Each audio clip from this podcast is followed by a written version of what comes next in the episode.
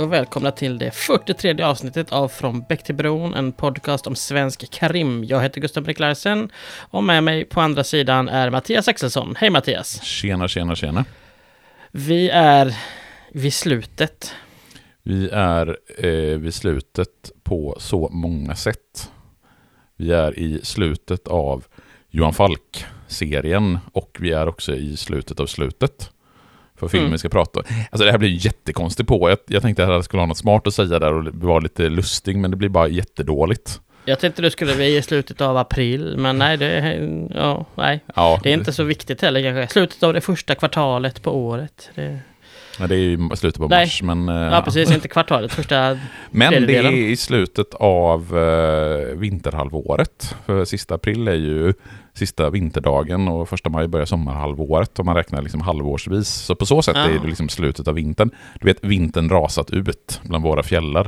Som Mm. man sjunger på valborgsmässoafton som ju är eh, om några dagar. Det har jag aldrig tänkt på att man gör, men det gör man ja.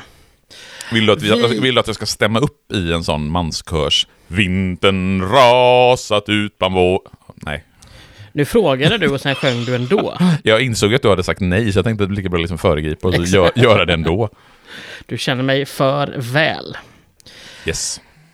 Vi, eh, ja, hur många Johan Falk-filmer blir det vi har sett sammanlagt?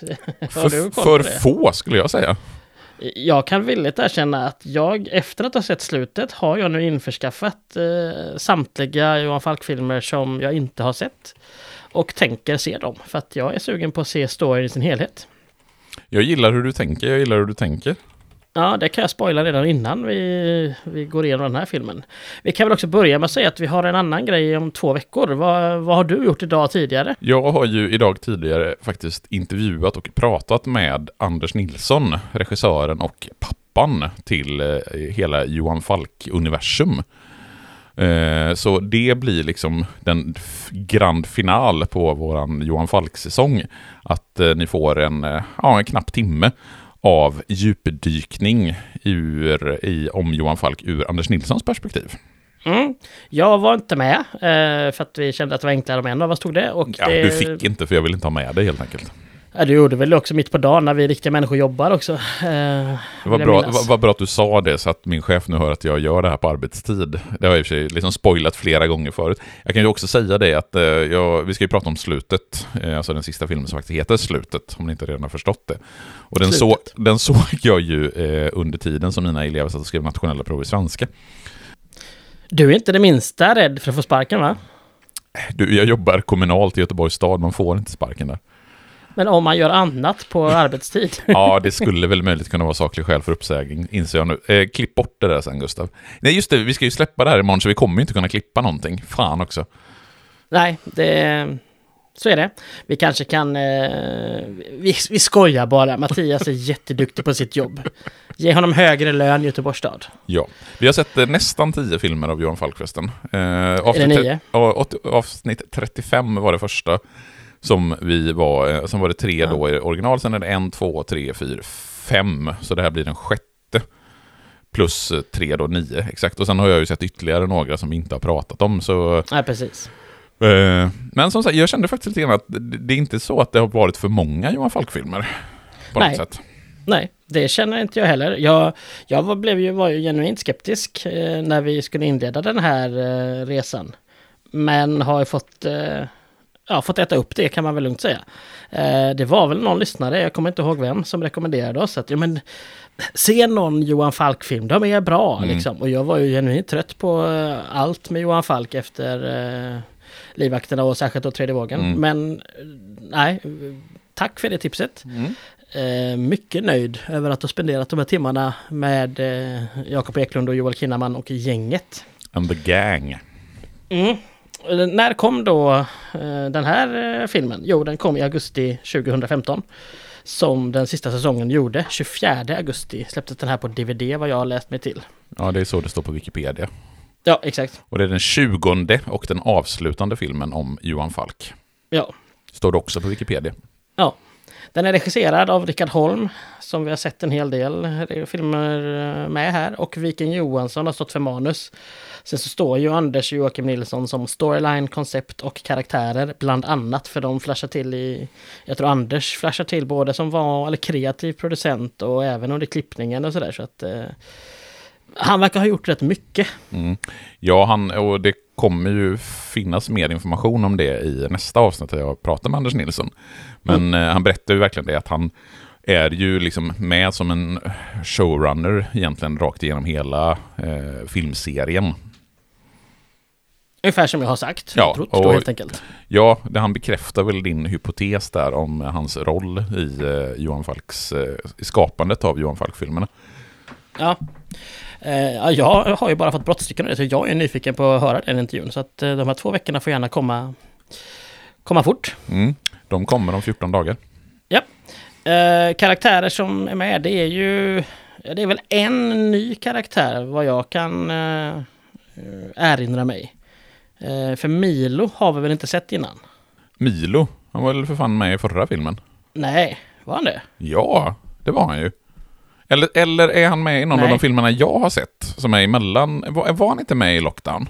Nej, han är inte med där. Nej, då är han med i någon av de filmerna som jag har sett mellan, eh, som du inte såg. För att han är ju ja. med, för att, eh, alltså det här att han eh, vill ha vårdnaden om sin son och konflikten med Madde och att eh, Seth eh, har en relation med Madde. Det är ju ett, eh, ganska, en ganska tydlig del i någon ja. av filmerna tidigare i alla fall. Jag kollade upp skådisen här nu, han var med i Blodsdiamanter rimligtvis ju, mm. såklart. Eh, med tanke på hela Madde, Madde-storyn Just det, för du visste ju inte om vem Madde var när vi kollade på Lockdown. Så det Nej. förklarar ju saken. Så att han är med ja. givetvis i en tidigare film. Så Precis. för mig är han inte en ny karaktär, men för dig är han en ny karaktär. För podden är han en ny karaktär. Just det. Eh, han är ju faktiskt för övrigt gift med eh, Irina Björklund, som vi alltså så såg i Den tredje vågen väl. Eh, den ja, kvinnan som Johan Falk får försöka rädda eh, huvudrollskvinnan utöver Helene. Alltså där. Jag gillar sådana små detaljer. Det gör mm. det roligt. Det, ja, mm. eh, det gillar man någonstans. Eh, vi, eh, annars är det liksom Jakob Eklund, Jens Hultén, Melis Karlje, Marie Rickardsson, Alexander Karim, eh, et, ja, etc. Roligt att advokat Fredriksson jag är tillbaka. Jag tänkte precis nämna det, för då skulle jag få sjunga Advokaten Fredriksson, mm. ja så hette han. Mm. Han är tillbaka och det är vi alla glada för. Ja, nej men och, och Kron är med. Det enda som saknas eh, typ är väl Leo Gaut som är död och sen saknas väl Jacqueline Ramels karaktär då helt enkelt. Ja, eh, hon har, väl, att... hon har ju inte varit med alls i sista säsongen. Nej. Överhuvudtaget. Eh, en av dem vi... dissat. Erik Davoda kommer tillbaks. Ja. Eh, en, en, ja, kan, kan spoila en av sakerna som jag kanske har lite problem med i den här filmen. Men eh, eh vi kör ändå. Att just att Erik Davoda kommer tillbaka? Kanske att jag har missförstått hans... Eh, eftersom jag inte har sett alla filmer så räknar jag med att det är jag som... Jag, jag kan ta det nu. Jag tycker inte Erik Davoda känns i GSI-filmen där liksom eh, Joel Kinnemans karaktär håller ett vapen med honom och behandlar honom som en, en, vante. Mm. Han känns inte som en ledare för liksom ett stort eh, ah, nätverk. Jag hör vad du säger, jag hör vad du säger. Eh, men han kan ju utvecklas efter det, jag vet faktiskt inte liksom. Nej, han är inte med i någon av de andra filmerna, utan han är ju bara med Nej, okay. i GSI, alltså i första filmen och i sista filmen. Vilket ju är ja. lite märkligt, kan jag ju hålla med om nu när du säger det. Men det är väl snyggt ändå. Mm.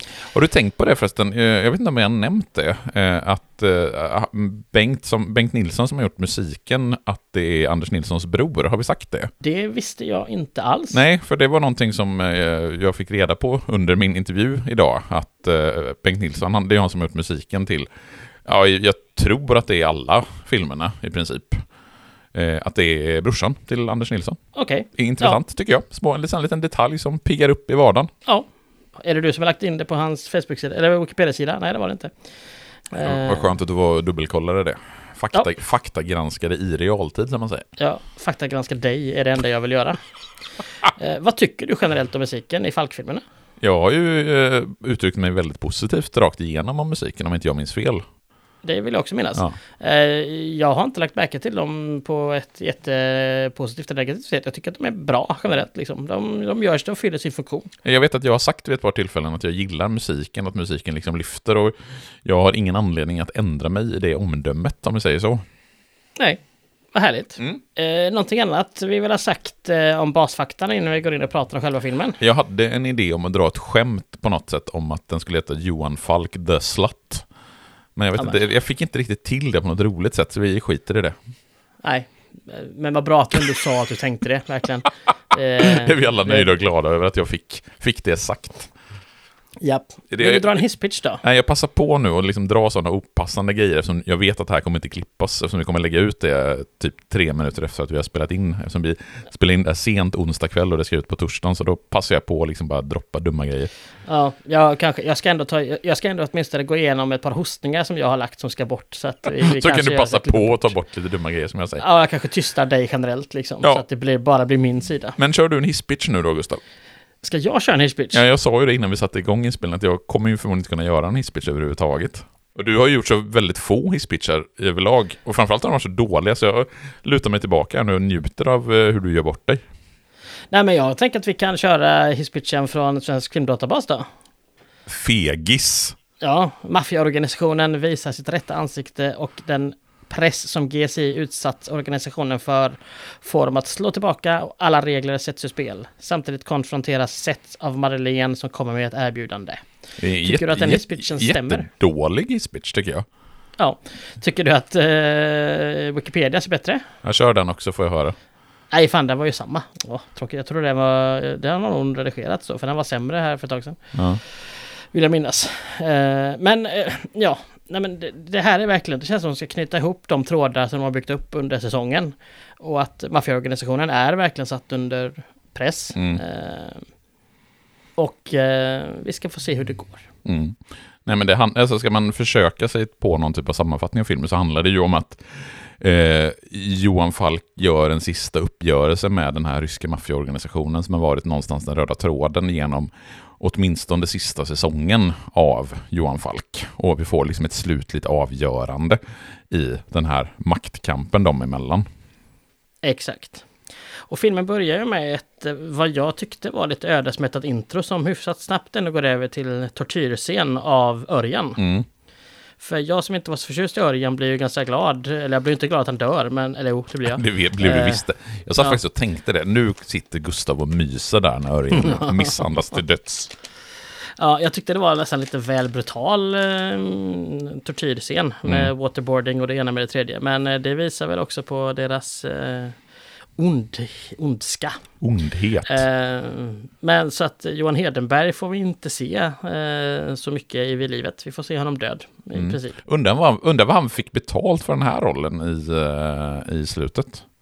En, eh, en Whopper kanske? Mm. En, en burger, eller en eh, eh, på Burger King då, eftersom det är ju den eh, kedjan som... Och det kommer Anders Nilsson också avslöja. Eh, Det känns som att jag kommer berätta allting som han säger. Jag säger Ja. ingenting mer än... Jag, jag säger ingenting så har jag ingenting sagt. Med tanke på att jag bara tänkte att jag hintar om det här och så var du tvungen att, att följa med på det. Det var... Jag är, jag är, jag är dålig idag. Jag, jag är liksom lite ringrostig. Är du lite full va? Det, det är jag alltid. Det är sant. konstant. Framförallt, framförallt på jobbtid. Jag tänker att vi måste göra det mer och mer absurt så att de inser att nej, men vi har nog bara skojat hela tiden. Ja, eller så tror de att jag är full på arbetstid. Är jag det? Det är sant. Ja, det vet vi inte. Aj fan. Ja, nej men bye bye Örjan. Och, eh, men det ryssen vill ha, det är väldigt fokus på dem att de vill ha Helen. Och det är det ju genom hela filmen i Mm. princip. Eller ja, halva filmen i alla fall. Ja, eller de vill ha de grejerna som Helene har. Alltså, För hon har ju de här papperna som Ja. någonstans hotar att eh, lägga den här ryska organisationen i ruiner. För det har ju varit Helens och Johans mission under de senaste filmerna att liksom, komma åt den här ryska organisationen. Och det tänker man att man gör follow the money, typ. Exakt. Eh, och samtidigt så då klipps vi till en rättegångsscen där ryska kvinnan står åtalad för anstiftan till Agrells mord och lite Ju- annat smått och gott. Ja, och den roliga detaljen är att hon även här då, jag vet, hon benämns inte som den ryska kvinnan, men de gör verkligen en poäng av att hon inte, att man vet inte hennes identitet, att hon har inget namn. Alltså inte Nej. ens eh, tv-reportrarna säger någonting för att de vet inte vad hon heter. Jag tror att de till och med liksom kallar, kallar henne för den namnlösa kvinnan. Och vi Jag får väl aldrig veta vad hon heter genom Okej, filmen. Nej, det tänkte jag bara var att de eh, inte avslöjar namnet på någon som fortfarande inte är dömd, som eh, media inte ska göra. Men ja, det kan, du kanske har rätt. Ja, jag tror att hon är oidentifierad än så länge. Men det är svårt att åtala någon som man inte har någon identitet på. Eh, du har en poäng i det. Du har en poäng i det. Ja. Tänker rättssystem och sådär, sånt där, sånt, sånt där bös. Rättsstat, vad är det för jävla dumheter? Ja. Har du gått och blivit liberal? Ja, ja, I wish. Eh, hon ju uttalar ju ett hot där mot, eh, ja det är väl Sofie Saxlind och Vidar som heter Andersson och därför får kallas Vidar. You and you Eh. and you. Ja, you shall die. Eh, hon lät inte som Schwarzenegger, det är bara att jag kan inte säga you shall die utan att imitera Schwarzenegger. Eh, för att det... Eller så vill man ju imitera, vad heter han, från The Rock, eller från Rock, eh, Rocky 4 är det väl, eh, Lol, Dolph, Lundgren, Dolph Lundgren. Ja, det är Rocky I 4. must crush you. If he dies, he dies. Det är så Star- mycket bra citat. stark scen. Bra film. På riktigt, Eh, det är bra. Det är en bra film. Ja. Hon har ju då Fredriksson som advokat. Advokaten Fredriksson, ja så hette han. Vi kommer aldrig bli klara med det avsnittet. Nej, jag kommer göra Det så. kommer Varje, ta varje, så lång tid. varje gång du säger Fredriksson så kommer jag nynna den melodin, bara så du vet. Så eh, håll i hatten ungdomar, nu kör vi. Men äh, rättegången avbryts ju direkt efter hennes hot och eh, Sofia och gänget försöker lite grann konfrontera Fredriksson som har någon form av livvakt ser det ut som, men det har han ju inte. Det är ju den här Valdo som är Mm. någon form av... Vad är hans roll egentligen? Ja, han är ju någon typ av... Säger de inte att han är den här ryska organisationens styrelseledamot som befinner sig i Sverige? Så han är ju på något sätt jobbar ju för den här ryska organisationen. Jag vet inte exakt Ganska vad hans roll är. Ja, precis. Ja, han har ju en, ledande position på något sätt. Men en sak som du glömde nämna därifrån rättegång, det är ju att eh, GSI-poliserna blir fotograferade av Ja, någon. jo. För det är ju därför som den ryska kvinnan pekar ut, eller hotar dem.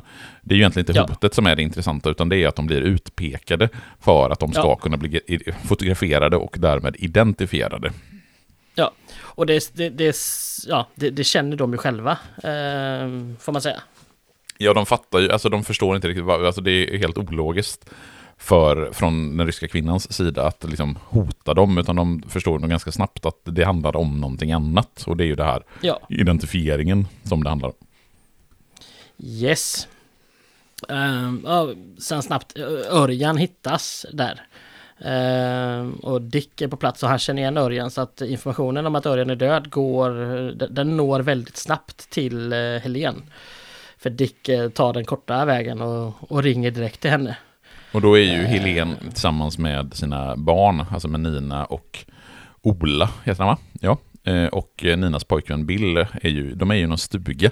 Det är väl Helens mammas stuga, eh, där de gömmer sig för att de är ju under hot. Precis. Um, och men ryssarna verkar ändå... Jag får en dålig känsla här av Ola. Det känns som att han ska göra något dumt och det gjorde mig irriterad. Att ungjäveln skulle göra något dumt. Så gör han tack och lov inget speciellt dumt. Han är snarare mm, ganska rimlig eh, i sin reaktion, Ola, genom filmen. Men jag, jag, hade, jag minns att jag hade ett sting av irritation där. Att det skulle vara sånt jobbig jävla barn som går ut och bara Nu är jag trött på att sitta inne, jag skiter i mig dör, typ liksom. Men eh, tack och lov så har de fostrat honom bättre. Vad skönt. Ja, det kändes väl bra för alla inblandade kan jag tycka. Mm.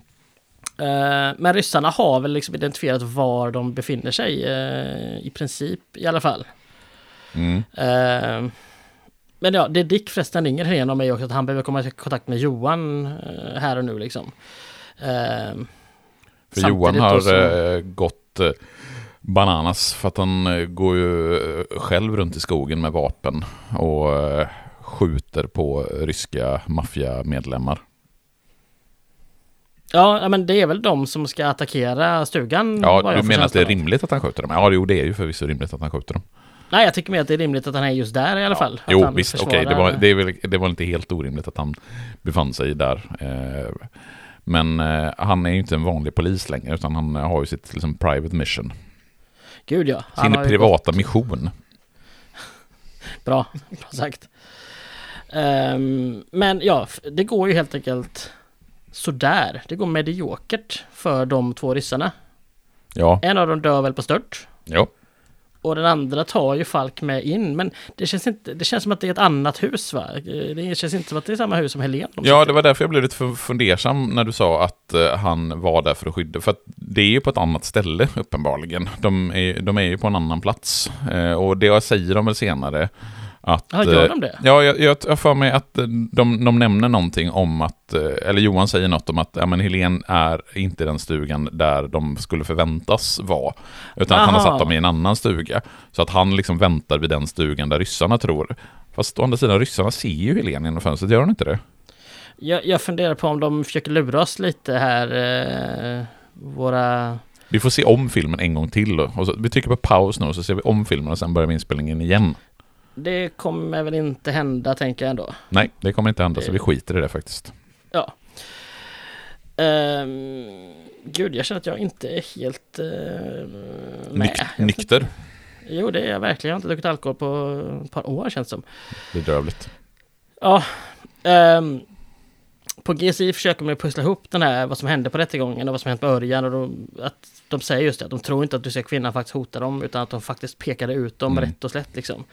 Um, och eh, Johan, det klipps jag fram och tillbaka. Johan försöker fråga ryssjäveln, som jag har kallat honom, mm. vem som gav ordern om att döda Helen. Mm.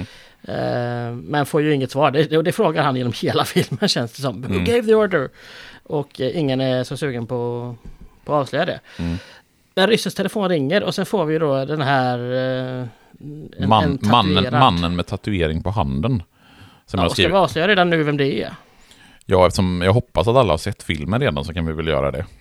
Ja, så vem är det? Jag kommer ju fan inte ihåg vad han heter. Jag tänkte att du skulle göra Valdo. det. Det är så han heter. Ja. Where's Waldo? Ja, precis. There's Waldo. Yeah. Ja. Um... Gud vad jag känner mig off. det är du som brukar liksom ha koll på skeendet och handlingen och, och leda. Jag har liksom så här spridda anteckningar nu om att uh, Eh, tatueringen på handen ringer Johan. Eh, Milo och Fredriksson pratar med varandra. Han med den tatueringen på handen ringer till Milo. Och eh, om 24 timmar är allt över, säger Milo. För Milo an, jobbar ju, eller Fredriksson jobbar ju åt Milo. Och Milo försöker ju få tillbaka sin son, eh, Mikael. Eh, som, eller Michael. Michael eh, som ju han också heter. Och samtidigt så är ju Seth, har ju en relation med Madde, som är mamma till Mikael. Det gör att Seth dras ju in i det hela, även om Seth kanske vill dra sig ur det kriminella, vad det verkar. Han försöker ju sälja sina taxibilar. Ja, vad har han och Madde för relation här egentligen? Är vi... För att liksom, de kysser varandra någon gång i filmen, men... Eh, ja, men uppenbarligen så finns det ja. ju någon typ, alltså de, de, väl, de har väl inte ett stadigt förhållande, om vi säger så. Däremot så finns Nej. det ju väldigt tydligt en, en, någon typ av, eh, vad ska man säga, sexuell spänning, eller romantisk spänning mellan dem, eller det finns ju känslor mellan dem åtminstone. Det gör det absolut. Just eh, det som vi glömde säga om Johan bara, han har ju han har bestämt sig för att ta med sig Helena och familjen in till polishuset då när det här, ja, nu när det börjar hända saker här liksom. Mm.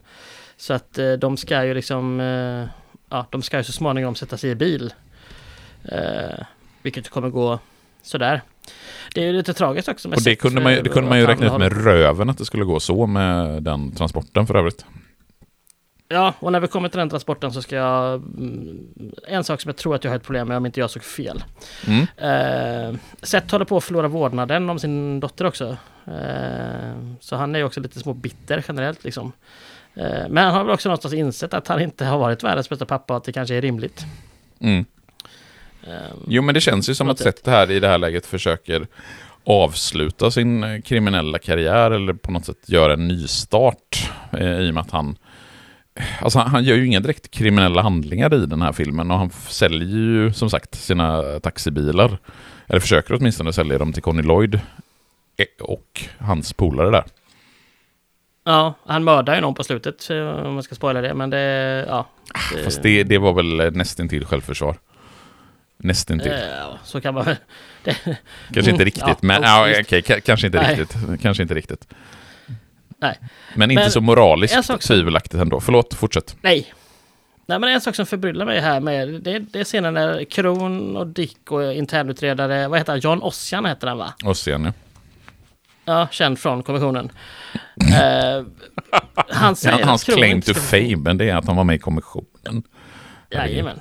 Mm. Men Kron ska inte få fortsätta som förundersökningsledare för att han och ryska kvinnan ska ha känt varandra i över 15 år. Nej, jag noterade det här för jag visste att du skulle missuppfatta den scenen så jag spelade tillbaka och kollade vad det är Ja, som vad är hände faktiskt- egentligen då? Ja, men grejen är det är att den ryska kvinnan har ringt till Johan Falk och att Johan Falk och Kron har haft en relation i över 15 år. Och att han därför Aha. inte ska fortsätta som, eh, som spaningsledare.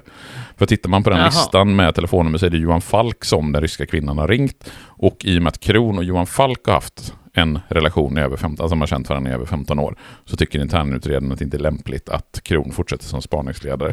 För att han då skulle eventuellt ha sympatier för Falk. Ja, ja det makade väl mer sens. Min, min trötthjärna igår kväll eh, förstod nog fel där då helt enkelt. Mm, det är därför du ska Det se att det är filmerna som jag mitt på dagen. Ja, precis. På, jobbtid, arbetstid. Ja, ja. Ska sätta jag var på seminarium om tullkoder idag. Det, det hade varit populärt. Vad hette det sa du? Eh, Jag var på seminarium om tullkoder. Vad är det för något? Jag jobbar ju med logistik och tull numera. Jaha, ser man på. Eh, hur, man, hur man klassificerar olika plagg man importerar till eh, Europa och till Sverige. Jaha, du sa tullkoder. Jag tyckte du sa Ja. kull, kullkoder med K. Jag Nej, förstod inte riktigt vad det var för... Tullkoder, kan du ge mig din, vilka är dina bästa tullkoder? Eh, 6201, eh, vad är det? 3000 tror jag. 6201 30 Det är för 00. en... Eh, sa du? 6201 30 00. Yes, det är för Och- någon jacka. Jaha. Är det någon specifik jacka som har den eh, tullkoden då? Ja men det finns, ja eller så här, det, exakt hur den jackan är uppbyggd men det är så liksom, om en jacka är eh, längre än, eller så här, så här eh, för det första måste det vara om det är herr eller dam ska det bestämmas och sen eh, men vad det är för material, om det är trikå eller om det är syntet och sådär liksom. Sånt, eh, sånt spelar roll Mm. för vilka tullsatser som, Mm. ska, som ska användas. Hej och Det- välkomna till Logistikpodden. Ja, nej, men jag Mm. har faktiskt eh, blivit lite attached på det här. Jag tycker det är ett kul jobb jag har skaffat mig. Så, att, eh, Mm. Så det kanske, kommer, det kanske kommer en logistikpodd här framgent. Det finns nog en tror jag redan faktiskt. Jaha, vad synd. Eh, Annars har vi ett, ja. något, något annat att göra med vår fritid. ja, precis. När vi sett färdigt alla svenska krimfilmer. Ja, precis. Så ge oss en kvart till. Ehm, det, det är mycket... ehm, som ofta i Johan Falk-filmerna så känns det som att det är mycket som ska presenteras Mm. i början av filmerna. För sen har vi också den här i... Där det står, som jag först bara, det är en massa ryska män på någon klubb i Moskva som står i svarta kostymer. Så visar det sig att det är väl typ av livvakterna för de riktiga viktiga männen sitter nakna inne i eh, bastun Mm. och har någon form av styrelsemöte. Jag älskar den scenen, den är så fruktansvärt rolig tycker jag. För jag Ja, det- ju, ju- just den här, liksom, jag förstod ju inte först vad de här liksom, kostymmännen utanför, jag tänkte också där att men det, är någon, det är någon klubb, fast det, det kändes ju inte som en klubb. För det var liksom Nej. ingen musik och det var ju, de var ju extremt stela. Och sen så panorerar kameran, glider kameran in i bastun där alla de här nakna ryska männen sitter och har sitt jävla styrelsemöte inne i bastun för att man inte ska kunna ha några elektronisk eh, utrustning med sig in. Även om eh, i det här fallet så gör de ett undantag för att eh, mannen med tatueringen på handen ska kunna ringa och få ett beslut om hur han ska agera i Sverige av de här ryska maffia, den ryska maffiaorganisationens överkuckus. Yes, exakt. Och han tillhör väl tekniskt sett en överkoko fast han är då eh, stationerad i Sverige och kan inte basta som eh, vanligt folk i Mm. Moskva gör. Och här pratas det ju då mycket prat om så här uppbundna tillgångar som ryssarna kan bli av med och det förstår vi ju i nuläget inte vad det är. Men eh, ja, vi kan ta det när vi kommer till slutet kanske. Eller blir det, ska vi ta det redan nu vad det här faktiskt handlar om? ta, vi kan ju ta det redan nu för den här organisationen, Taket kallar de den va? Ja, Och det är ju någon som typ försäkringskassa, a-kassa för kriminella ryssar i princip.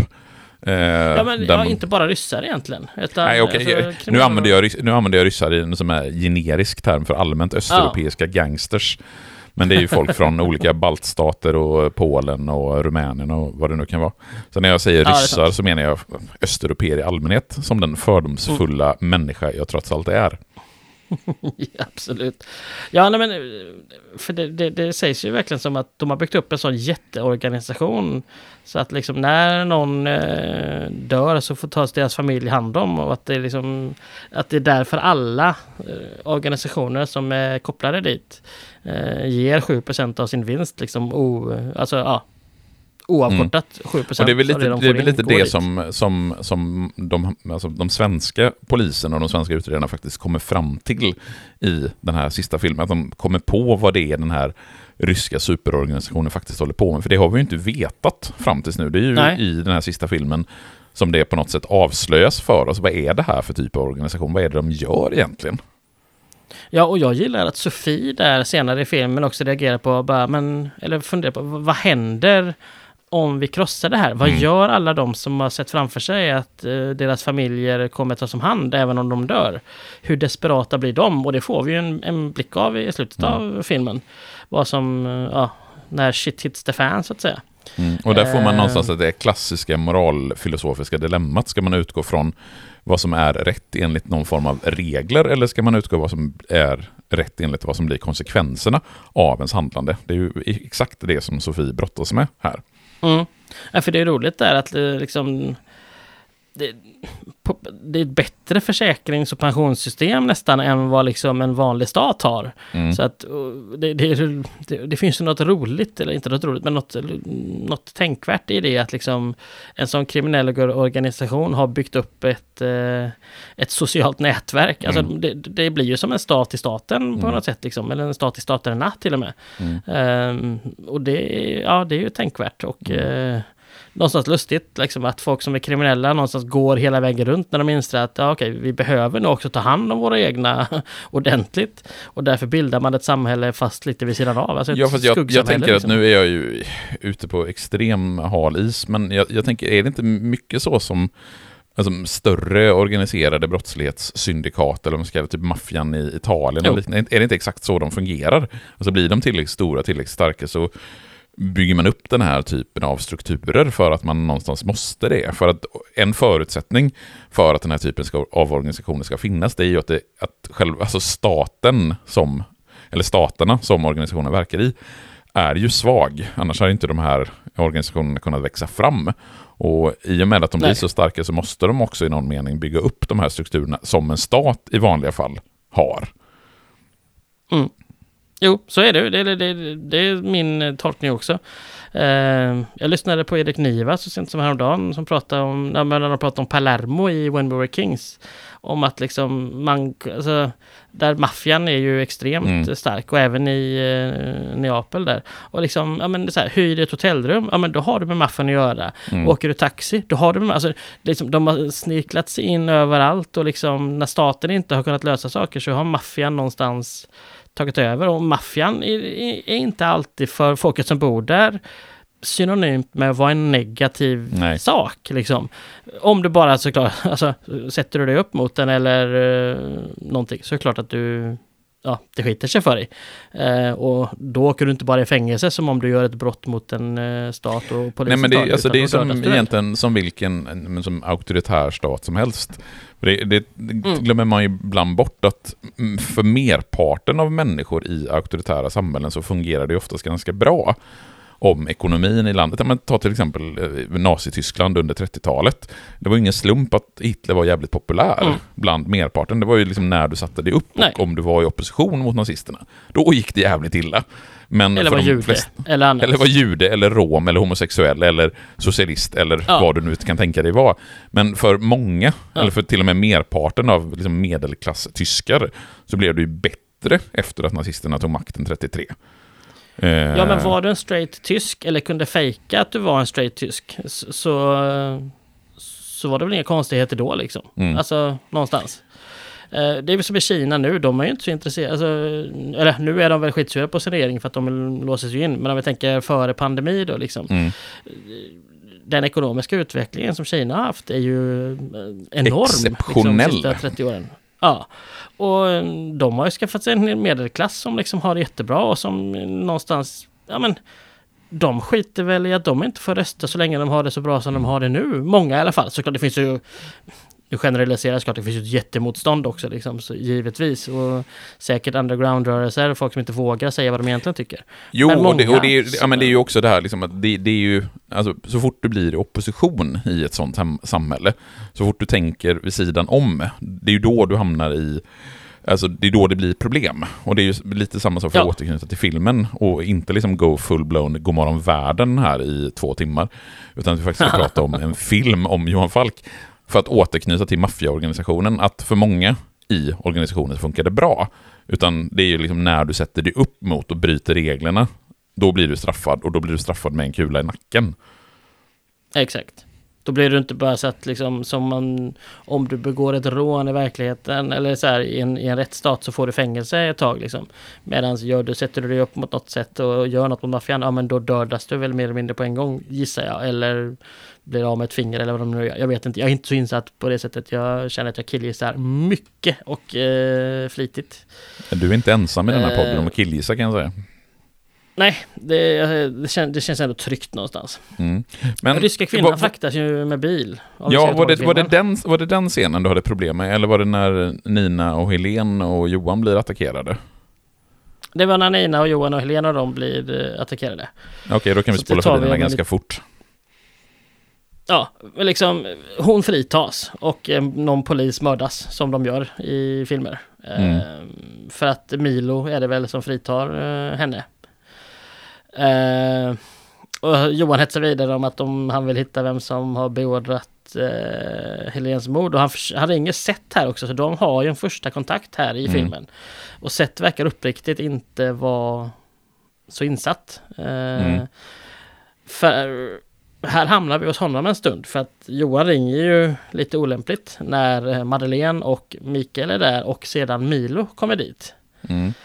Men det, det som Seth gör här, det är ju att han ringer Sofie och lämnar ut Milo. Och säger att eh, så att de vet, eller hon, Seth ringer Sofie för att informera om vem det var som fritog den ryska kvinnan, för de vet ju inte att det är Milo, men Seth vet ju att det är Milo. Så att Ja. han ger ju Sofie den informationen så att Sofie kan komma dit och sen så kommer insatsstyrkan också. Mm, precis. Innan dess så har ju Madde lyckats sälja de här diamanterna och om jag inte jag förstår det fel så har hon lyckats få 12 miljoner där hon ska ha hälften och Seth ska ha hälften. Eh, Men hon erbjuder ju Seth att få alla pengarna om, hon, om han har ihjäl Milo i princip. Mm. Eh, Men han är ju inte... Han är ju inte jättesugen på det för att liksom han pratar ju om den här vågskålen att Ja men ena ändan är det Luna och hennes eh, Mm. liv och ett liv med henne, henne och andra sidan är det, i andra skålen är det livstid. Om han blir tagen. Mm. Eh, och visst det är väl eh, Ja det är väl eh, på tiden nu att få ett samvete på det sättet men eller det har han ju haft. Han är ju en komplex karriär sett, eller karaktär. Han har haft en komplex Eh. karriär. Ja, det har han ju. Eh, om vi bara ska sticka emellan här. Vad tycker du om att eh, Nina är bitter på Helen och skyller Örjans död på henne? Helt rimligt. Du tycker det? Ja, varför skulle det inte vara rimligt? Alltså det är ju ändå... Vi, alltså, vi har ju förstått att, eh, att eh, Nina och Örjan har haft en komplicerad relation. Även om han är hennes pappa så har de liksom inte, de har ju aldrig träffats, eller träffats har de, men de har ju ingen relation med varandra. Men när han nu är död så är det klart att hon känner en viss sorg och behöver få ut den aggressionen mot någon och det är väl rimligt att ta den på sin mamma eftersom det, alltså i någon mening så är det ju ändå Helen som har satt Örjan i skiten även om Örjan är ju inte Ja. på något sätt oskyldig till det hela. Nej. Så jag har inga Jag större problem med det kan jag säga. Nej. Jag känner mest att jag... Jag sörjer. För mig, jag har sett Örjan för lite tror jag för att riktigt bry mig. Så att liksom, Mm. för mig känns det bara onödigt. Men jag, nej, jag håller väl med dig om att reaktionen egentligen är, är, är, Rimlig. är väl rimlig då. Mm. Bra, då är vi överens om det. Eh, ja, just det. Milo har faktiskt inte kommit insåg jag här till dit än, utan han har ju en liten interaktion med ryska kvinnan med där. Hon verkar inte gilla att han håller på det här med att jaga Madde. Mm. Eh, och samtidigt så vill han skicka henne till Moskva med bil. Eh, Via Nor- Norrland och Finland. ja, kul körsträcka. Den vill man inte sitta och sträckköra alltså. Nej, Det känns som det är väldigt, dagar, väldigt, jag. väldigt, väldigt mycket skog som man kommer passera på den här resan. Mycket skog och asfalt. Mm. Ehm, Men det som hon gör, som väl nästan är något av det...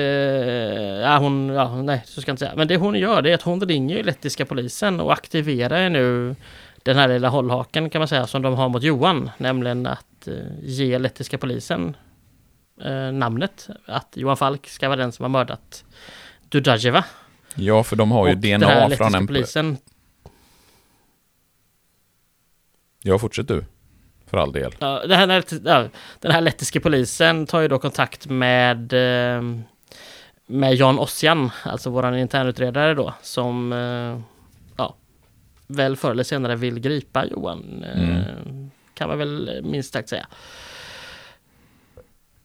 Ehm, Fredriksson drar. Just det, det är roligt. Vad Mm. tyckte du om det? Det Såg du det komma? Nej, verkligen inte. Jag var extremt förvånad och det var väldigt, väldigt oväntat att... eh, För det känns ju inte som att det byggts upp på något sätt att Fredriksson skulle... Jag vet inte om det är att han får ett samvete eller om, att, om han blir rädd. Vad det är som gör att han liksom försöker bli en... Alltså han, han, han, han, försöker, han, han sticker ju till polisen för att där berätta vad han vet för att få vittnesskydd. Och beror det... Eller så här, det är klart att det beror på att han är rädd. Det är inte så att han får ett samvete Ja. helt plötsligt. Utan det är ju rädsla som gör att han drar till polisen och försöker få vittnesskydd. Det ska vi avslöja redan nu, det går ju sådär. För Franzén är Ja. ganska hård mot eh, honom på ett roligt sätt. Ja. Ja men jag är ganska nöjd att jag kollade det tidigare i filmen. För när Ja. Milo är hem ja, hos Fredriksson. Eller så här, jag har skrivit tidigare att så här, kommer Fredriksson bli god här? Ja, och det gör han ju inte. Men Mm, mm, han, mm. han hjälper ju ändå polisen då liksom. Och jag tycker att det är några... Så det är när Milo eh, är där och att han säger att han ska ha en... Alltså, de ringer ju Valdo är det väl? Eller nej, Mm. de ringer till och med från Moskva till Fredriksson och säger att liksom, "Men du ska hjälpa till med allt som den här mannen vill ha. Och Fredriksson har väl tidigare någonstans känt att nej, men jag är ju liksom legal counsel, eran advokat, men så mycket mer gör jag inte. Och då får han väl höra att du, du hade inte varit någonstans utan oss. Du hade varit i konkurs och hela köret. Mm. Så att du gör det här nu. Och då, där tyckte jag det kändes på Fredriksson som att han är inte pepp på detta. Han inser att det här kommer gå åt eh, fanders. Pips, pip, pipsvängen skulle jag säga använda som ord i sammanhanget. Ja, det är Det väl går ett, åt eh, pipsvängen. ord- Ja, ett ord så gott som något. Men ja, som Mm. du säger, han springer ju... han springer ju ifrån eh, den här ryssen Valdo och eh, till Franzén och blir förhörd och lämnar ut lite information. Men ja, det går sådär för honom, vilket, eller vi kan ju säga det nu. Franzén väljer ju att åtala honom, eller att åtminstone gripa honom för medhjälp till mord. Mm. För att han ju då har eh, tillhandahållit det här hotellrummet som han har haft åt ryssarna väl. Eh, och säkert en del annat som jag har missat nu liksom.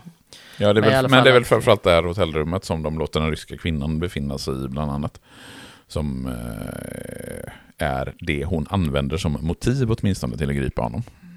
Eh, Eh, men tillbaka till Set Place där nu, för där händer det lite saker. Och mm, Sofie och gänget är där och, och spanar utanför. Och det, dit kommer nu Milo. Och det är nu hela den här konfrontationen med, med Milo och Set och sådär äger rum. Och ja, jag, jag, här stör mig på pojken däremot som bara Åh, titta jag har en Barcelona-halsduk. Åh, jag kommer till dig pappa. Mm. Nej, gör, nej, gör inte så. Var, var inte så barn. Var, var, inte så Fast dum. var inte så dum. Ja, nej. Men vad tycker du liksom generellt om scenen, eller scenerna här mellan Seth och Milo? När de liksom ska hålla på. Och det, det blir ju konfrontation även senare i, eh, i häktet. Ja. Liksom, vad, Då vad, blir vad det känner, konfrontation på riktigt. ja, då blir det ordentlig konfrontation. Men, men vad, liksom, vad känner du om eh, relationen Seth-Milo här? Nej, men jag vill snarare, jag vill, ta med Madde i ekvationen där och även att faktiskt Mikael är där. För jag tror just att Mikael är där påverkar ju situationen väldigt. För jag tänker att Milo hade väl inte haft några problem med att skjuta ihjäl Seth. Men han vill väl inte göra det framför Mikael. Mm. Så jag tänker att, liksom, att det är just den kvartetten där inne eh, påverkar väl. Och Milo har ju också en kompanjon utanför som eh, ja, till slut tar in Sofie eh, genom att eh, ja, tillfångata henne liksom. Eh, men jag gillar den här scenen eh, dem emellan. Jag tycker Seth Mm. försöker lösa det efter bästa förmåga. Jag kan tycka att Milo kanske är lite för rysk bad guy. Men Mm. jag köper honom ändå tror jag. Eh, Nej, men det är nog det jag sitter och stör mig lite grann på. Att han blir, som, som du uttrycker, han blir lite, lite för mycket rysk bad guy i det här. Han liksom faller lite liksom för lätt i Sets fälla. För det är så uppenbart att Seth vid flera tillfällen liksom försöker provocera fram någonting för att klara sig ur situationen och att Milo så enkelt går i den fällan. Att han blir som sån här arketypen av en rysk machoman på något sätt. Ja, och det är så här. Hade jag sett Milo i åtta filmer hade jag nog stört mig sönder på honom. Men när, när han är... Mm. Och han är liksom, han är inte huvudbad guy i den här filmen ändå någonstans. För att han försvinner i princip här. Ja, mm, sådär. För att han blir ju gripen när Mm. piketen då kommer. Eh, och Sofie klarar sig ju. Hon har ju blivit lite smått plågad eh, av honom. Men inga, ja, inga skador egentligen liksom. Eh, så att ja, jag har inte så stora problem med det ändå får jag säga. Ja, Okej då. Okej då. Nu är det också dags för Johan och gänget att och, och sticka. Vi stannar inte för något. Nej, okej, gör inte det då. Eh, Nej, men alltså Men, bara det att de eh, säger vi stannar inte för något, det är ju så uppenbart. Ja, men då kommer det hända någonting.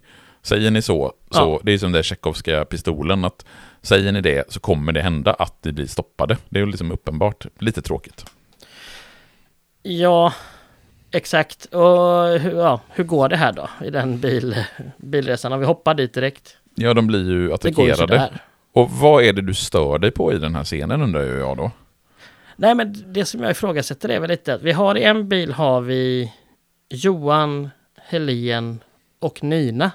Mm. Men de har valt att sätta Ola, den lilla pojken, i en bil, bil bara med främlingar. Mm. Det tycker jag bara, nej men hade Helen släppt ifrån sig sin eh, nioåriga son i den situationen, hade Mm. inte hon velat ha honom så nära som möjligt. För jag hade fattat om det var tre eller fyra bilar, alltså säg att liksom, ja men Helen, Nina, Bill och Ola skulle sitta i varsin bil med omgiven av tre poliser. Och där Johan då kunde vara en polis, till exempel med Helen. Mm. Då hade jag förstått det, om man verkligen ville ha liksom maximalt skydd åt dem allihop. Men det känns inte heller som att det är så, för Ola sitter väl typ med Bill där, har jag för mig. Och, Mm. Som är väl en... Ja, nej, jag, jag tycker... Som, som, som pappa eh, så tycker jag att det eh, känns osannolikt. Jag hade ju aldrig den situationen liksom låtit min son befinna mig i en annan bil där jag inte är. Även Mm. om jag vet att jag kanske inte är bäst lämpad att försvara honom så hade jag velat ha honom hos mig. Mm. Det var ju Det faktiskt... Ja, men, ja, ja, men jag, jag, nu när du säger det så förstår jag hur du tänker. Jag måste ha tittat just eh, de här sekvenserna lite ouppmärksamt på filmen, för jag tänkte faktiskt inte på att de satt i olika bilar eh, när de blir attackerade. Men eh, nu när du säger det så måste det ju vara så, och då blir det lite, lite märkligt. Jag instämmer fullständigt med det. Ja, för de är ju åtminstone två bilar som åker iväg. Mm. Eh, för så många är de ju liksom. Mm. Men de klarar ju sig Eh. allihopa och det ska vi vara glada för. Ja, precis. Ehm, Däremot så, får ju, ja, ja, däremot så får ju Helene lämna ifrån sig papperna och papperna Ja. bränns upp. Och eh, det är ju en ganska viktig detalj. För det är ju, liksom, Det det är är ju väldigt egentligen, det det är ju egentligen papperna som ryssarna är ute efter. Just eftersom det är ju den informationen som kan sänka hela organisationen. Eh, om det här liksom kommer, om, om polisen kan lägga de här pusslen som de sen faktiskt lägger. Så blir, kan det liksom innebära dödsstöten för organisationen. Ja, precis.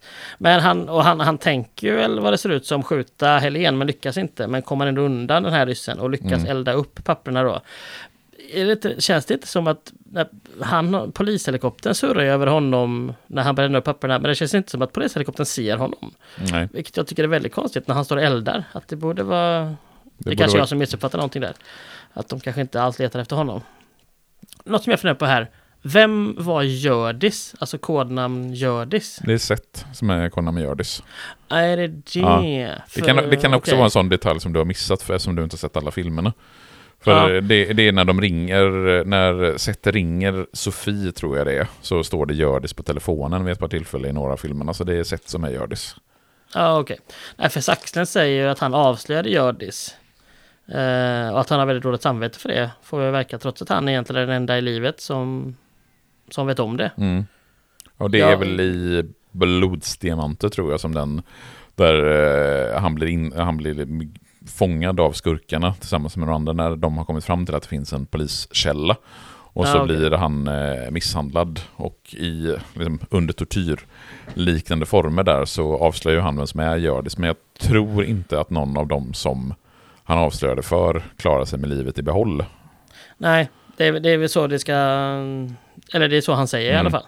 Men han verkar ändå ha väldigt dåligt samvete för det, vilket... Ja, jag förstår inte riktigt detta, men det är då för att jag har missat en del filmer, tänker jag. Mm. Um, något som eh, händer här också är ju faktiskt att ryska kvinnan till slut då dör. Äntligen! Tycker du det? Ja, jag kände inte något, eh, någon större sorg, smärta och lidande när hon dog. Jag kände Nej. ingen stor saknad. Och det var skönt att det var Johan som fick skjuta henne också. Ja, hon har ju ett väldigt övertag där eh, och ska såklart prata först istället för att bara skjuta. Och det gör ju att han lyckas vända på det och skjuter ihjäl henne. Har man sett det på film förut? Det har man eh, två gånger tror jag det har hänt i filmhistorien tidigare, minst. Eh, kan också vara flera gånger, men minst gånger. två. Mm. Ja. Vilka två gånger du tänker på då, undrar man ju då. Nej, jag bara sa något. Jag jag tänkte, jag på du hade två specifika tillfällen som du kom ihåg, men så enkelt var det inte. Jaha. Nej, nej, nej, det var bara, Du bara- det var ett försök till ett skämt. Ja, nej, men jag förstår inte när du försöker skämta, för jag är ju lite lätt dum i huvudet. Eh, jag vill bara hoppa in här också lite i Franzén och Fredriksson. Mm. För de fortsätter. Och Advokaten Franzén- Fredriksson, ja, så hette han. Ja, Ni förstår vad jag liksom... Vad du har att jobba med. Ja. Nej men Franzén nämner det här företagsnamnet Piera Moha. Som vi verkar vara liksom det högsta, eller det som där pengarna kommer ifrån väl. Mm. Om inte jag missförstår någonting här. Och liksom Fredriksson verkar ju genuint chockad över att hon känner till det namnet ens. Eh, och han fortsätter då berätta och han nämner faktiskt eh, Nicolas Lehmann namns. Ja, det är vi alla Bara glada för för, att, att, det var eh, 14 år sedan eh, det hände, att vi får liksom en koppling till livvakterna. Det var vi ju alla glada för. Ja det var ju i alla fall, eh, om man gillar kopplingar så är det väl roligt. Ja, det är väl även, han nämner väl även Erik Davoda som eh, då greps för sex år sedan i den Ja. första filmen, eh, GSI. Så att det är ju två eh, skurknamn som dyker upp här från tidigare filmer. Precis, och Davoda får vi ju sen också se då för Dick. Den gode Dick som ska försöka få Davoda att snacka. För Davoda har ju försökt eh, övertyga, alltså han, han har ju överklagat till hovrätten sin dom och han vill ju bli frikänd för att det ska då vara brottsprovokation som har skett. Och eh, den smarte Dick eh, lovar ju att han ska vittna till Davodas fördel. Eh, om Davoda då förklarar vad fan det är de här 7 procenten går till. Mm. Så Davoda, som dum som han är, eh, avslöjar det och sen visar det sig att Dick har, har ju inte alls... Han, han har ju... Davoda verkar ju inte förstått skillnaden på brottsprovokation och bevisprovokation. Där då det ena är ett big no-no och det andra är... Helt, Helt legit. helt okej att göra. Ja, för att han nämner ju då Eriks, eller Dick säger ju det att, ja, men, eh, att det, ja, det var bevisprovokation. Mm. Så Davoda mm, blir ju faktiskt inte frikänd. Men de får ändå informationen. Så 1-0 Dick får man väl ändå Får man väl ändå säga där. Hatten av för Dick. Mm. Men och i efterdyningarna på den här eh, där de blir attackerade Johan och dem så blir han ju till slut gripen Mm. av eh, internutredare plus några andra snautar. Den dåliga Eh. snutar, den dumma snutar som skriper Ja. vår hjälte och favoritperson Johan Falk. Puckosnutarna. Ja, dumma snutarna. Usch, usch, usch. Ja, och eh, vad, vad tyckte du? Så här, var det någonting du för, som förvånade dig? Nej, Att han absolut, faktiskt... absolut inte. Det är, de här internutredarna har ju haft ögonen på Johan Falk. Och i och med att de får informationen från, eh, från Baltikum om att DNA finns så är det inte orimligt att de plockar in honom. Nej, jag tycker mer att de faktiskt lyckades gripa, att han inte lyckas eh, sticka iväg igen. Fast det hade ju varit jättekonstigt om han hade lyckats smita därifrån. När det var Ja, så pass mycket sant. poliser. Sen att han lyckas smita inifrån polishuset. När det blir den här konfrontationen mellan Seth och, eh, och Milo. Eh, det är kanske lite konstigt men ja, Johan Falk är ändå Johan Falk. Han är ändå Johan Falk. Ja, han är ju Ja. Johan Falk. Ja, jag hade ju liksom bara fått höra att slutet kommer vara lite, ja men inte som man tror eller någonting och sådär. Så jag tänkte, jaha, tar de in honom då så kommer han aldrig ut igen. Var min tanke att han skulle dömas för typ... Extremt jävla antiklimax det Ja, hade det varit. varit... Sjukt. Ja. Johan Falk döms bara- till livstid. Så, då var filmen slut. Ja, att de skulle döma honom för 15 år av diverse småbrott som skulle eh, leda upp till 400 000 år eller 40 000 miljarder år i fängelse. Eh. Ja, det hade varit ett oväntat om en dåligt slut. Ja, det, mm, det får man ju säga. Mm. Eh, vad känner du om eh, flykten där sen då? Om vi tar den på en gång. Den att när eh, Milo... När Johan flyr? Ja, när Milo och Seth eh, konfronterar varandra i och med att de hamnar på samma häktescellerna ja. mitt emot varandra. Så Såklart gör de det. Ja, såklart gör de det. Seth provocerar Milo till att eh, börja slåss och sen så blir Milen, Milo skjuten och Seth drar. Och Seth drar ju med Falk och drar till Seths lokal. Känns inte det extremt orealistiskt och nästan lite lite väl tillrättalagt att det är Seth och Johan Falk som liksom drar iväg därifrån. När båda två egentligen skulle vara eh, gripna. Jo, det, det, det är ju det är plott eh, convenient på något sätt. Att de, dels att de bara hamnar på samma ställe, Seth och, och, och Milo. Men också hur, liksom, hur Milo verkligen slaktar vakterna en efter en för att komma fram till... Ja. Alltså han nitar en efter en bara, utan problem mm. liksom. Och jag tänker det här är ändå, visst, häktesvakter, de är väl förhållandevis välutbildade. Eh, tänker jag ändå i att liksom förklara sig, eller att försvara sig. Och de är inte heller ensamma liksom. Visst, en går ju faktiskt ensam med sett genom mörkret i en fönsterlös korridor. Det tyckte jag var bara Jobbar ni verkligen så? För mig kändes det väldigt filmiskt som att eh, den korridoren hade åtminstone varit bra mycket mer upplyst om mm. det hade varit i verkligheten. Eh, men det såg snyggt ut, så mm. what the fuck, varför ska jag bry mig? Um, men uh, ja, väldigt sådär plott eh, convenient. Och att Milo är okej, okay, där dog han mm. liksom. Det, det, det, kan jag känna, det var lite... Ja, jag hade förväntat mig en, en, ett annat slut för honom tror jag. Vi skulle göra en lista egentligen på alla karaktärer som dör i den sista säsongen. För det är ju ganska många kar karaktärer som bara pang, pang, pang, pang, pang, pang tar livet av. Ja. Vilket gör, att, vilket gör att vi kanske inte blir... Tycker att det är jättekonstigt att vi snart kommer tro att även Johan Falk ska dö. Nej, det kan man väl säga. Och när en film heter Slutet, alltså det är ju inte en ovanlig grej väl att döda sin huvudkaraktär i slutet till slut. Eh, om man är trött på mm. att göra eller bara inte vill göra mer. Men innan vi kommer dit ska vi väl också i och för sig nämna att Nina har eh, börjat få kraftiga verkar och eh, åkt till BB eh, där det finns ett ganska tydligt hot mot, eh, för Helene hänger ju med dit givetvis. Och, där Ola. och Ola och även Bill. Det är, ju, det är ju efter den här attacken där de blir när de bränner upp papperna och liknande. Och ryssarna vet ju var de, vart de har begivit sig hän. Så eh, det är ju någon rysk torped som ska dit och ha ihjäl Helen.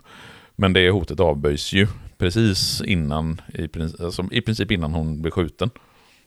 Ja, Känns precis. Det som.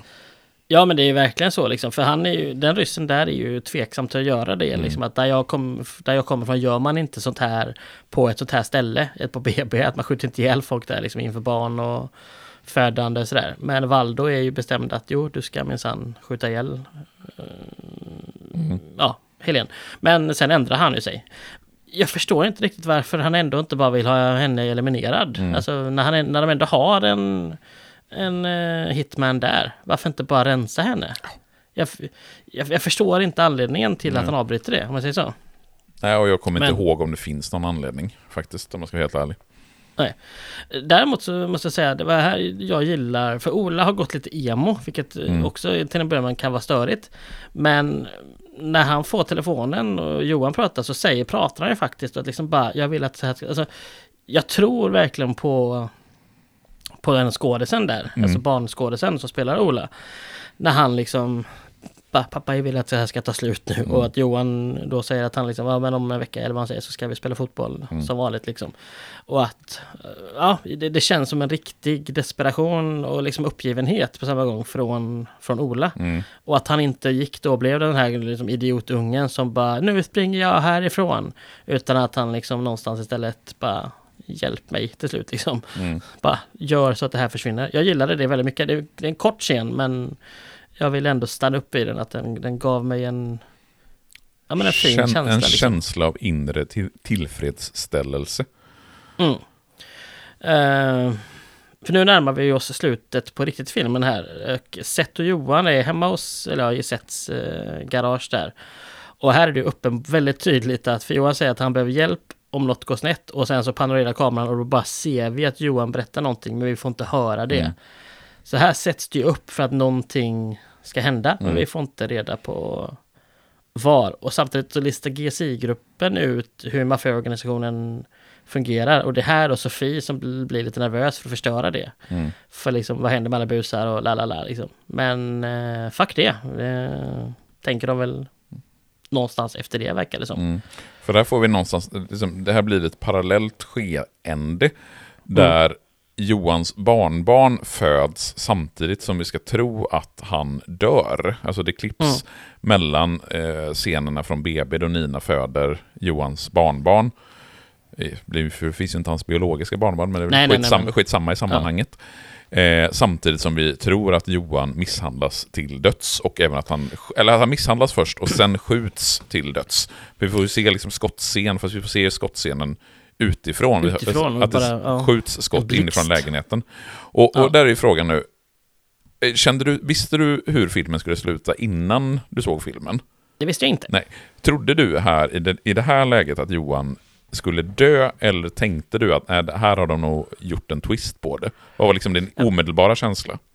Min omedelbara känsla var faktiskt att eh, jag trodde att den sköt honom, men snabbt, alltså det tog bara fem sekunder tror jag innan att jag bara, fast just det, han pratade med Seth. Men Mm. visst, det kan ha gällt någonting om Johan dör, att Seth skulle fixa någonting. Men framförallt är det ju klippet, för vi ser ju den här uh, ryss-torteraren som han klipper bra två fingrar på Johan och sådär bland annat. Va? Mm. Det är väl fruktansvärt brutalt. Ehm, Men Johan avslöjar inte sitt, eller det som ryssen vill veta, som jag nu i min iver har glömt bort vad det fasen det var för information han ville ha. Det var någon Eh. viktig information i alla fall. Ja, jag har totalt glömt bort det, just det Mm. zonade ut fullständigt från det. Men just att de klipper ut, så att vi liksom, och att vi inte får se Johan med det här kulhålet i pannan liksom. Det gör ju kombinerat Fast med vi får ju ändå se, en, ett, vi får liksom ändå se ett, en, ett foto på honom där han ligger och ser extremt Jo. död ut.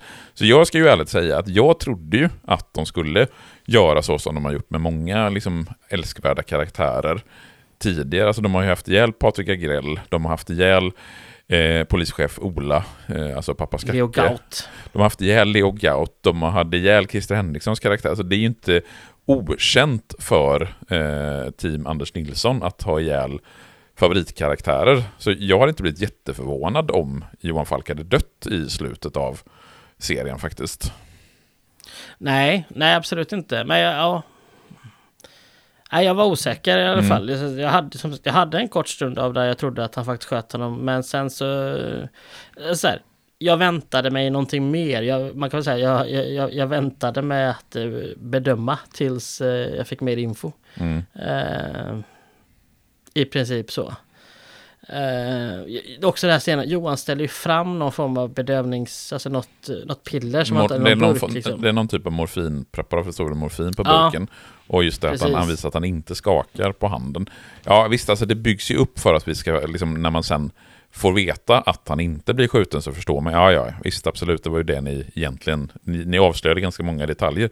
Men jag, dum som jag är, fattade ju inte det, utan jag trodde ju på riktigt att han hade blivit skjuten när vi skulle tro att han blev skjuten. Ja, jag, jag, hittade, jag, jag hittade här nu vad jag skrivit så här. Vi ser sen också en bild på en, inom parentes till synes, slutparentes, död Johan, Mm. som skickas till Valvo och något som dumpas i vattnet. Inte fan kan väl Johan döda så här, något lurt är det, har jag skrivit. Kan du ta ett Ehm. kort på det så lägger vi upp det på vårt Instagram? Något men just är det. Ja, nej men just ja, det faktum att man, man ser någonting kastas i, i sjön eller i vattnet. Det tror jag också faktiskt tänkte att nej men nej, det tror jag inte de hade tillåtit. Att, Men är inte det eh, att Seth dumpar ett vapen någonstans ganska centralt i Göteborg? Är det den scenen du tänker på? Nej, det är ju någonting som... Jag tänker att det är den här ryssen som Seth och Johan dumpar. Jo, för, men är För Seth skjuter ju ihjäl den här ryssen. jo, men har vi inte en scen också där, för jag har skrivit Seth dumpar vapen i centrala Göteborg. Finns det inte en scen som är väldigt lik den när Frank Wagner, vi hade ju väldigt roligt åt att Frank Mm. Wagner typ sl- slängde ett vapen Ja. ner i i typ Norra Hamnkanalen strax utanför Nordstan, typ den, det, Ja. det vattendrag i Göteborg som draggas oftast. Och det kändes, mi- min, min direkta koppling var att Seth dumpade vapnet eh, på Aha. ungefär samma sätt som Frank Wagner gjorde. Men det kan vara så att det är två olika scener vi tänker på här nu. Jag har inte skrivit upp någonting om att Seth dumpade något vapen. Jag tolkar det som att det var en kropp som dumpades och att det då i slutändan visade sig då vara rysskroppen. Men att man i det här läget ska tro att det var Johan. Men jag ska väl vara så pass ödmjuk och säga att jag inte känner mig helt säker på det. Eh, kanske inte är så relevant. Ja, framförallt så har eh, din hyrtid på, eh, på slutet gått ut så jag kan inte kolla om det nu på SFN. Det har inte alls. Jag har 22 timmar kvar. Fan, är jag inne på min egen inloggning här helt plötsligt? Ja, det var ju orutinerat av dig. Får... Ja, fruktansvärt dåligt. Jag har ju nämligen Ja. eh, nyttjat Gustavs inlogg på SF Anytime. Får man göra så ens? Får man dela inlogg med varandra? det, om man inte får det så har vi inte gjort det. Nej, precis. Samma sak som får, får man inte kolla på film på arbetstid så har jag inte gjort det heller. Nej, precis. Nej men, eh, vadå, jag måste få hyra en film och att vi ser den tillsammans, eller? Ja, det så, eh, så är det rimligtvis. Vi har ju glömt en eh, detalj här från eh, Johans, eh, eh, ja, skottlossning och tortyren, tortyren. Och det är ju att det inleds ju, för Johan sätter sig ju liksom ehm, och liksom väntar in ryssen som att han vet att han kommer. Och när sen knackar det på dörren och då är det ju internutredaren som kommer. Herr Ossian. Ja, så att, och han skjuts ju sen ihjäl då av uh, uh, den här torterande ryssen. Mm. Eh, Så han är också borta ur spelet. Ja, precis. Men det var, det var så bara, vad fan gör du här? Det var, jag tyckte det var en rolig... ehm, jag tyckte det var lite rolig take på det liksom. Att man, eh, man satte in honom där och sen bara total sköt man honom. Det får jag säga, det tyckte jag var... Ja men det tyckte jag var lite snyggt att han kom där. Jo, sätt dig banne mig och dumpade ett vapen någon vid järn... Är det vid järntorget? Nej, det är måste vara vid, det var vid, vid centralstationen känns det som. Ja, det kanske det är. Sitter du också och kollar Eh. på filmen i realtid på SF Anytime? Jajamän. jag tänkte, man visste ju vad den scenen var ungefär så att... eh, Okej, då är det jag som missförstod. Jag trodde att... Nej, alltså eh, det roliga är att han är alltså vid centralstation och dumpar vapnet i vattnet. Han är ju nästan på precis samma ställe som Frank Wagner var, liksom plus minus eh, 100 meter. Det är ju också så här dummaste stället i världshistorien att dumpa ett vapen Ja, på. just det. Där är. Tian spårvagn gick där. Ja, och du har centralstationens byggnad precis bakom om Ja. du kollar. Se på fan. Är inte det Eh. jättekonstigt att han dumpar vapnet där? Jo, det är klantigt. Det är skit och det, Eh. det borde jag frågat Anders Nilsson. Varför låter ni Seth och Frank Wagner dumpa vapen i Norra Hamnkanalen? Ja. Okej, då är det jag som missförstod det. För att det, det pratas ju senare eller här om att ett, eh, ett vittne har sett två personer bära iväg, eller en person bära iväg en kropp i en matta. Mm. Eh, och, men då dumpar de väl ryssen någon annanstans då? Bara att vi inte får reda på var. Ja, För det han får- är ju inte kvar i lägenheten. Nej, Nej, och den scenen får vi väl aldrig se att han blir dumpad i vattnet. precis. Eller var, Utan, han, eh, eller var han nu blir dumpad, den här ryssen. Ja. Jag var nog lite eh, offside där helt enkelt. Att det, det var sett som Mm. eh, så dumpade, eh, dumpade det. Skitsamma. Var är vi? Jo men Vi är där Seth och Madde pratar för sista gången eventuellt. just det. Och hon vill ge alla sina pengar till Seth och han vill inte det och sen kysser de varandra. Mm. Borde de inte kunnat göra lite mer av Seth och Maddes relation? Ja, ur mitt perspektiv absolut. Men jag har inte heller sett filmen där de vill interagera mest då. Ja, att, nej men eh, det har ju jag och jag känner ju att jag vill se mer av det. Jag tycker jag, det är ju en intressant relation.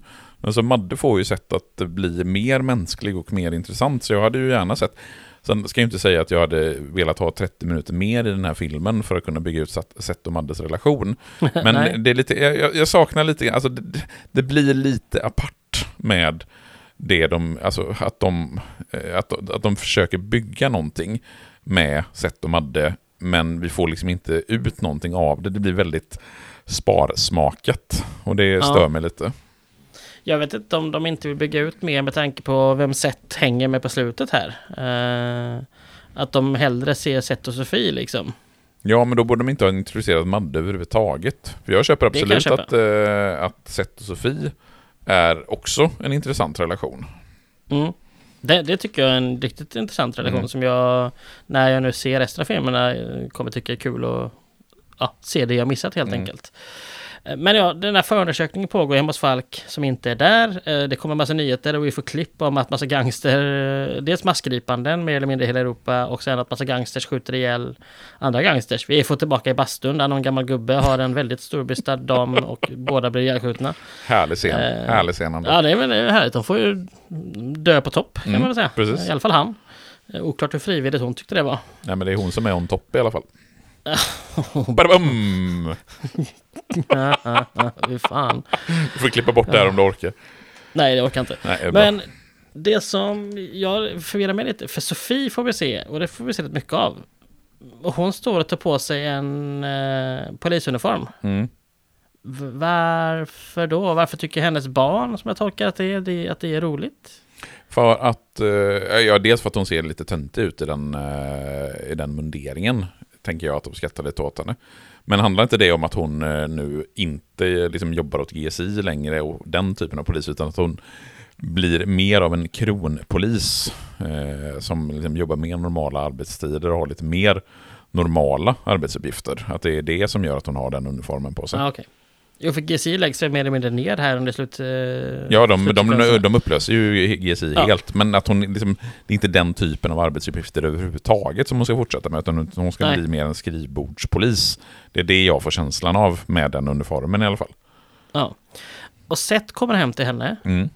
Men borde inte han ändå efterlyst? För han har ju rymt från polisen.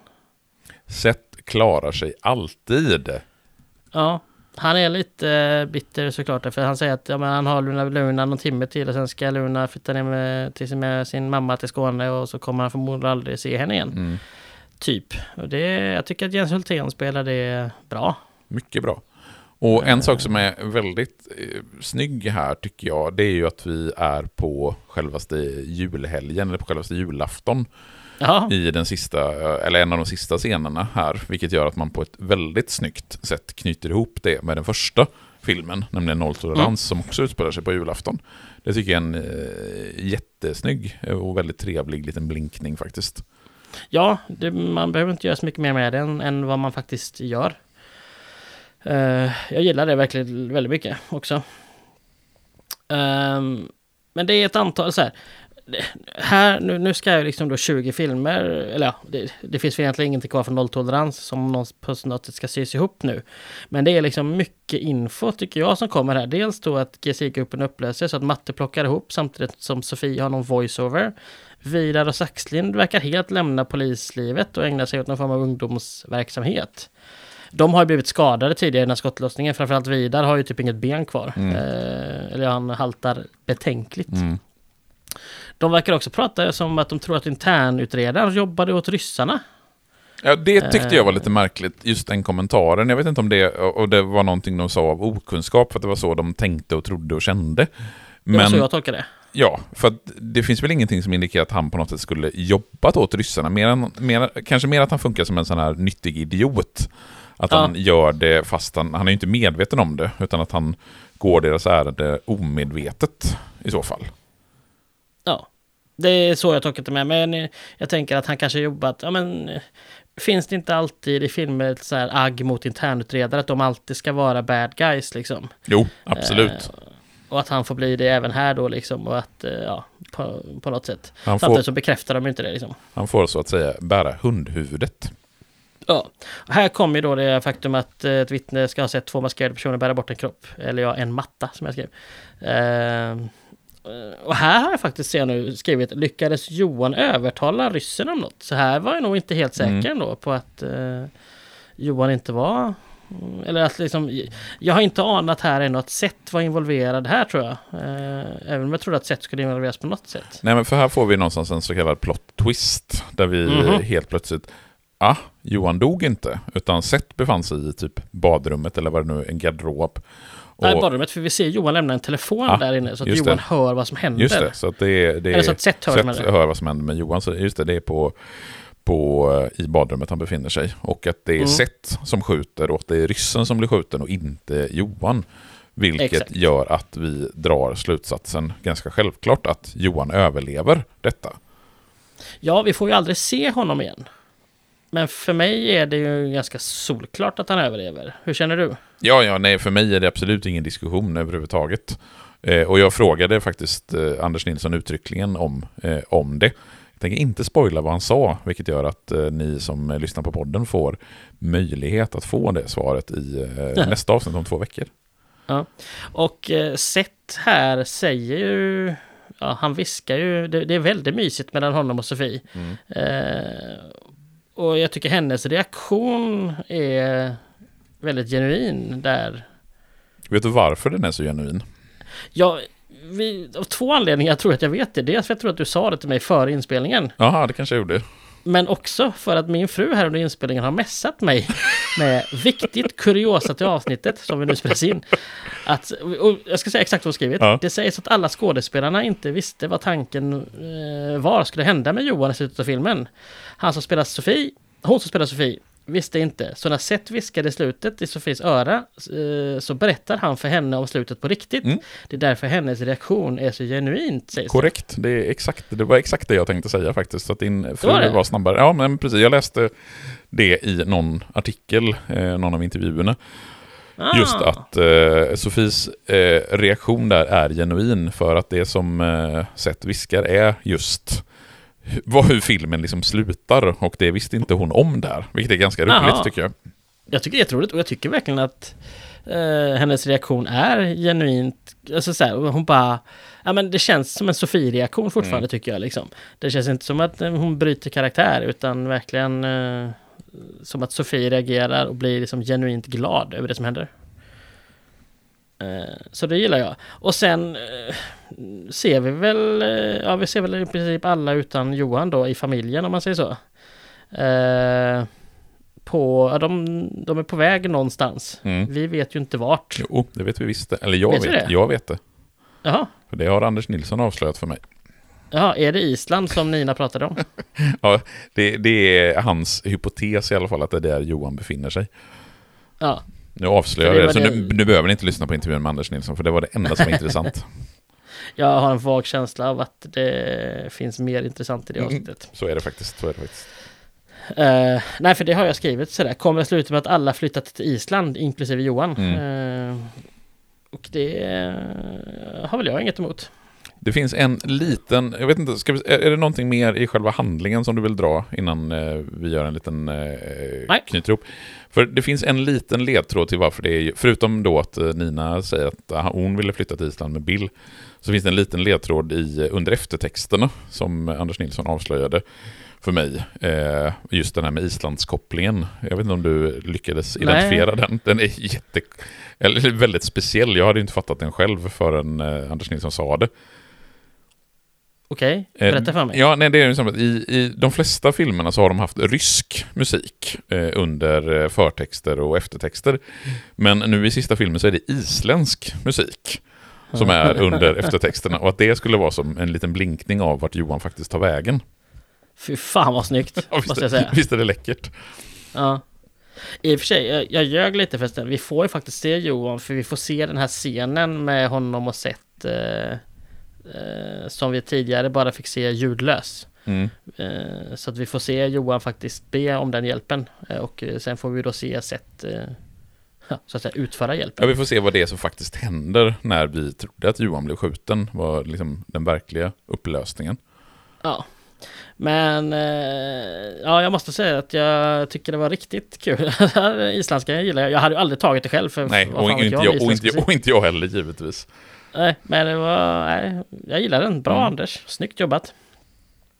Eh, och sen gillar man ju någonstans att under eftertexterna så är det massa gamla klipp på, Mm. från, ja men egentligen hela GSI-storyn då liksom. Mm. Alltså, Och den hade också, nu, nu ska jag inte avslöja, men där hade faktiskt eh, Anders Nilsson en del att säga om Ja. just hur de tänkte kring, eh, kring vilka scener de valde till eftertexterna i just slutet. Men det får ni lyssna på nästa avsnitt för att få mer djuplodande information om den. Yes, men då i vad i alla fall från mig är nog det rörigaste jag har varit i något av våra avsnitt så är vi i alla fall till slut klara. Mm. Ja, Eh, du, vad sak, är tom. du saknar lite av den där eh, stringensen som du brukar ha Gustav. Det är nog för att du, är- du är lite uppe i varv.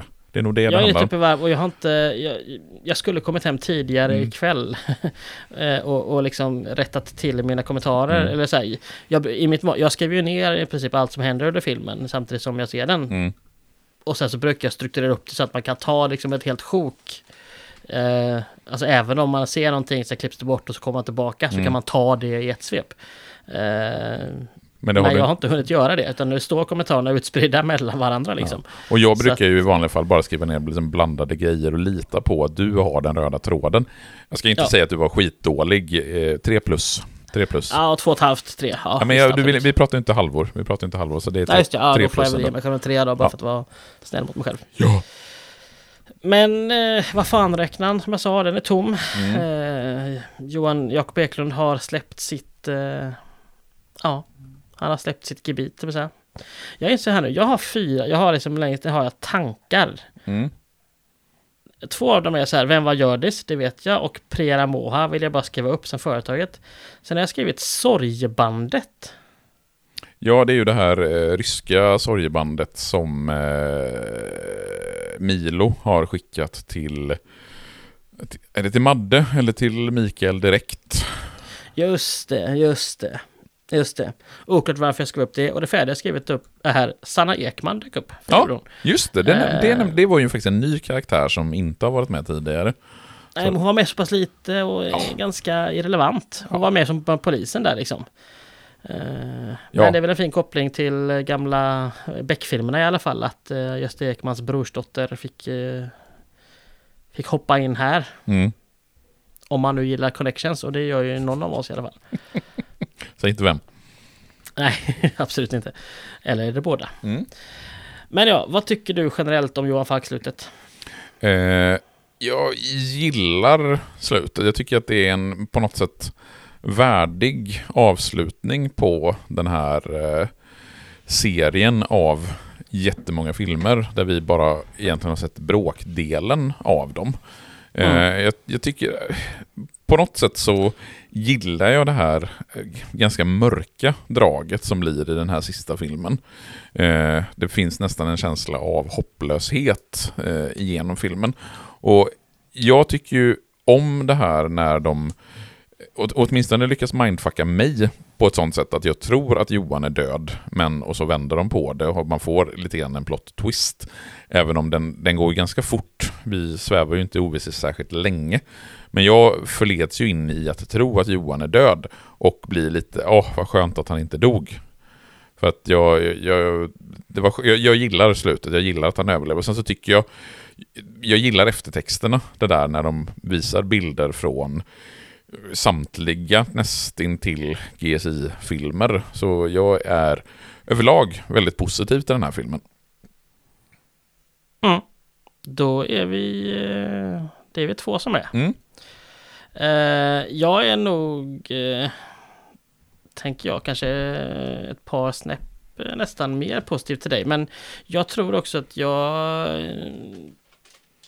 Ja, men jag gillar verkligen... Jag tycker att det blir ett värdigt slut.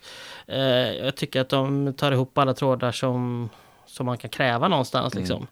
Ehm, så att äh, jag är generellt nöjd bara liksom sådär. Ja, och eh, det som jag framförallt gillar, inser jag, det är alltså, det finns väldigt lite saker jag irriterar mig på i den här filmen.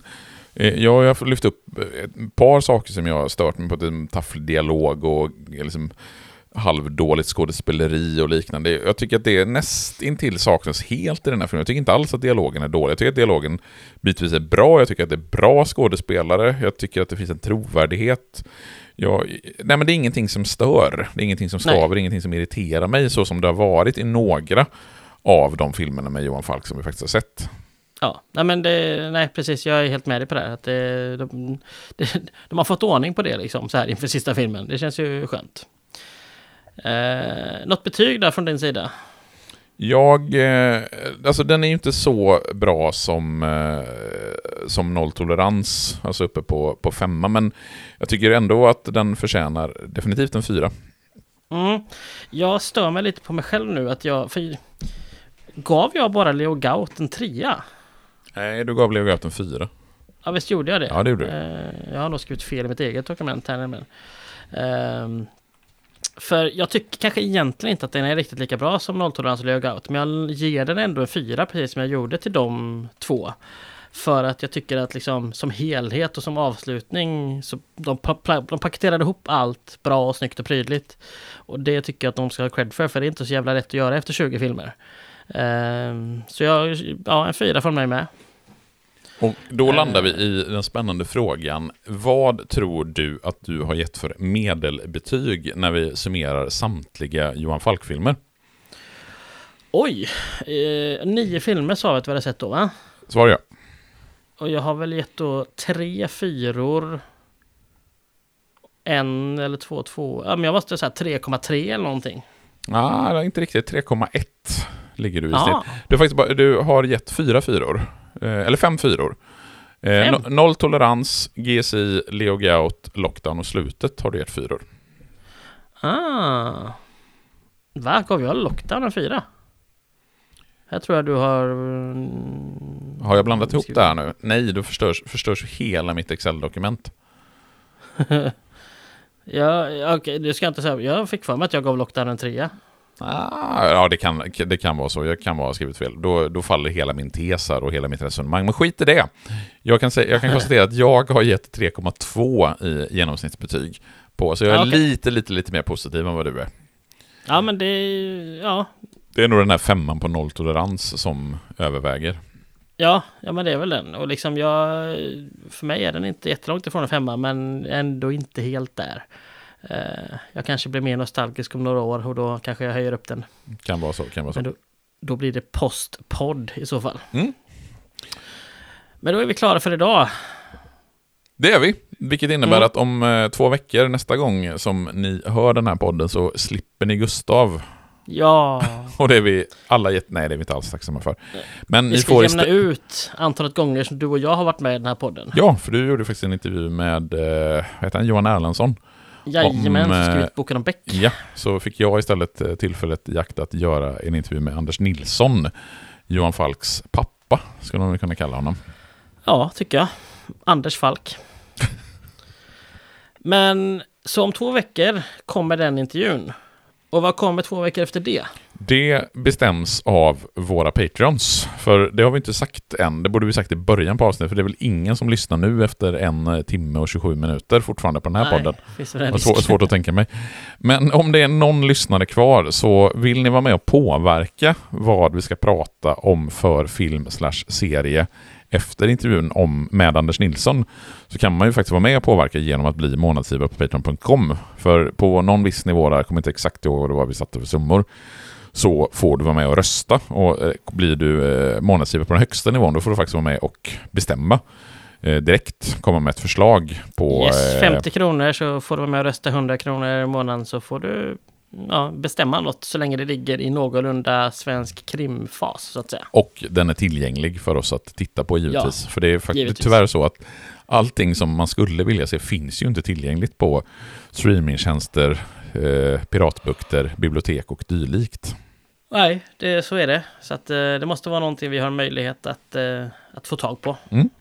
Mm. Så förhoppningsvis så blir det några ytterligare månadsgivare som får vara med att bestämma vad vi pratar om. Vad blir det då om fyra veckor? Ja, så vi lägger ju upp då... eh, Ja, för de som får rösta, vi lägger upp tre alternativ säger vi. Tre eller fyra, kanske fyra alternativ. Ja, kanske fyra alternativ, bara för att du vill vara speciell. Mm. Eh, och så får ni rösta på det här om ett tag. Så säger vi, det låter bra. Eh, Ja, men ja, ni hittar oss på Patreon då, patreon.com slash franbäcktillbron eller Instagram från Bäcktillbron eller franbäcktillbron at gmail.com Ja, om ni vill komma i kontakt med oss. Du heter Maxesson med ett S på Twitter, jag heter Gustav Brink med CK på Twitter. Eh, några andra sociala medier har vi inte va? nej, det har vi inte. Och Jesus vad du låter trött nu Gustav. Jag är lite trött. Jag ska snabbt redigera ihop detta och så slänga ut det. Så Eh. hörs vi igen om två veckor. Det gör vi. Puss! Ha det fint!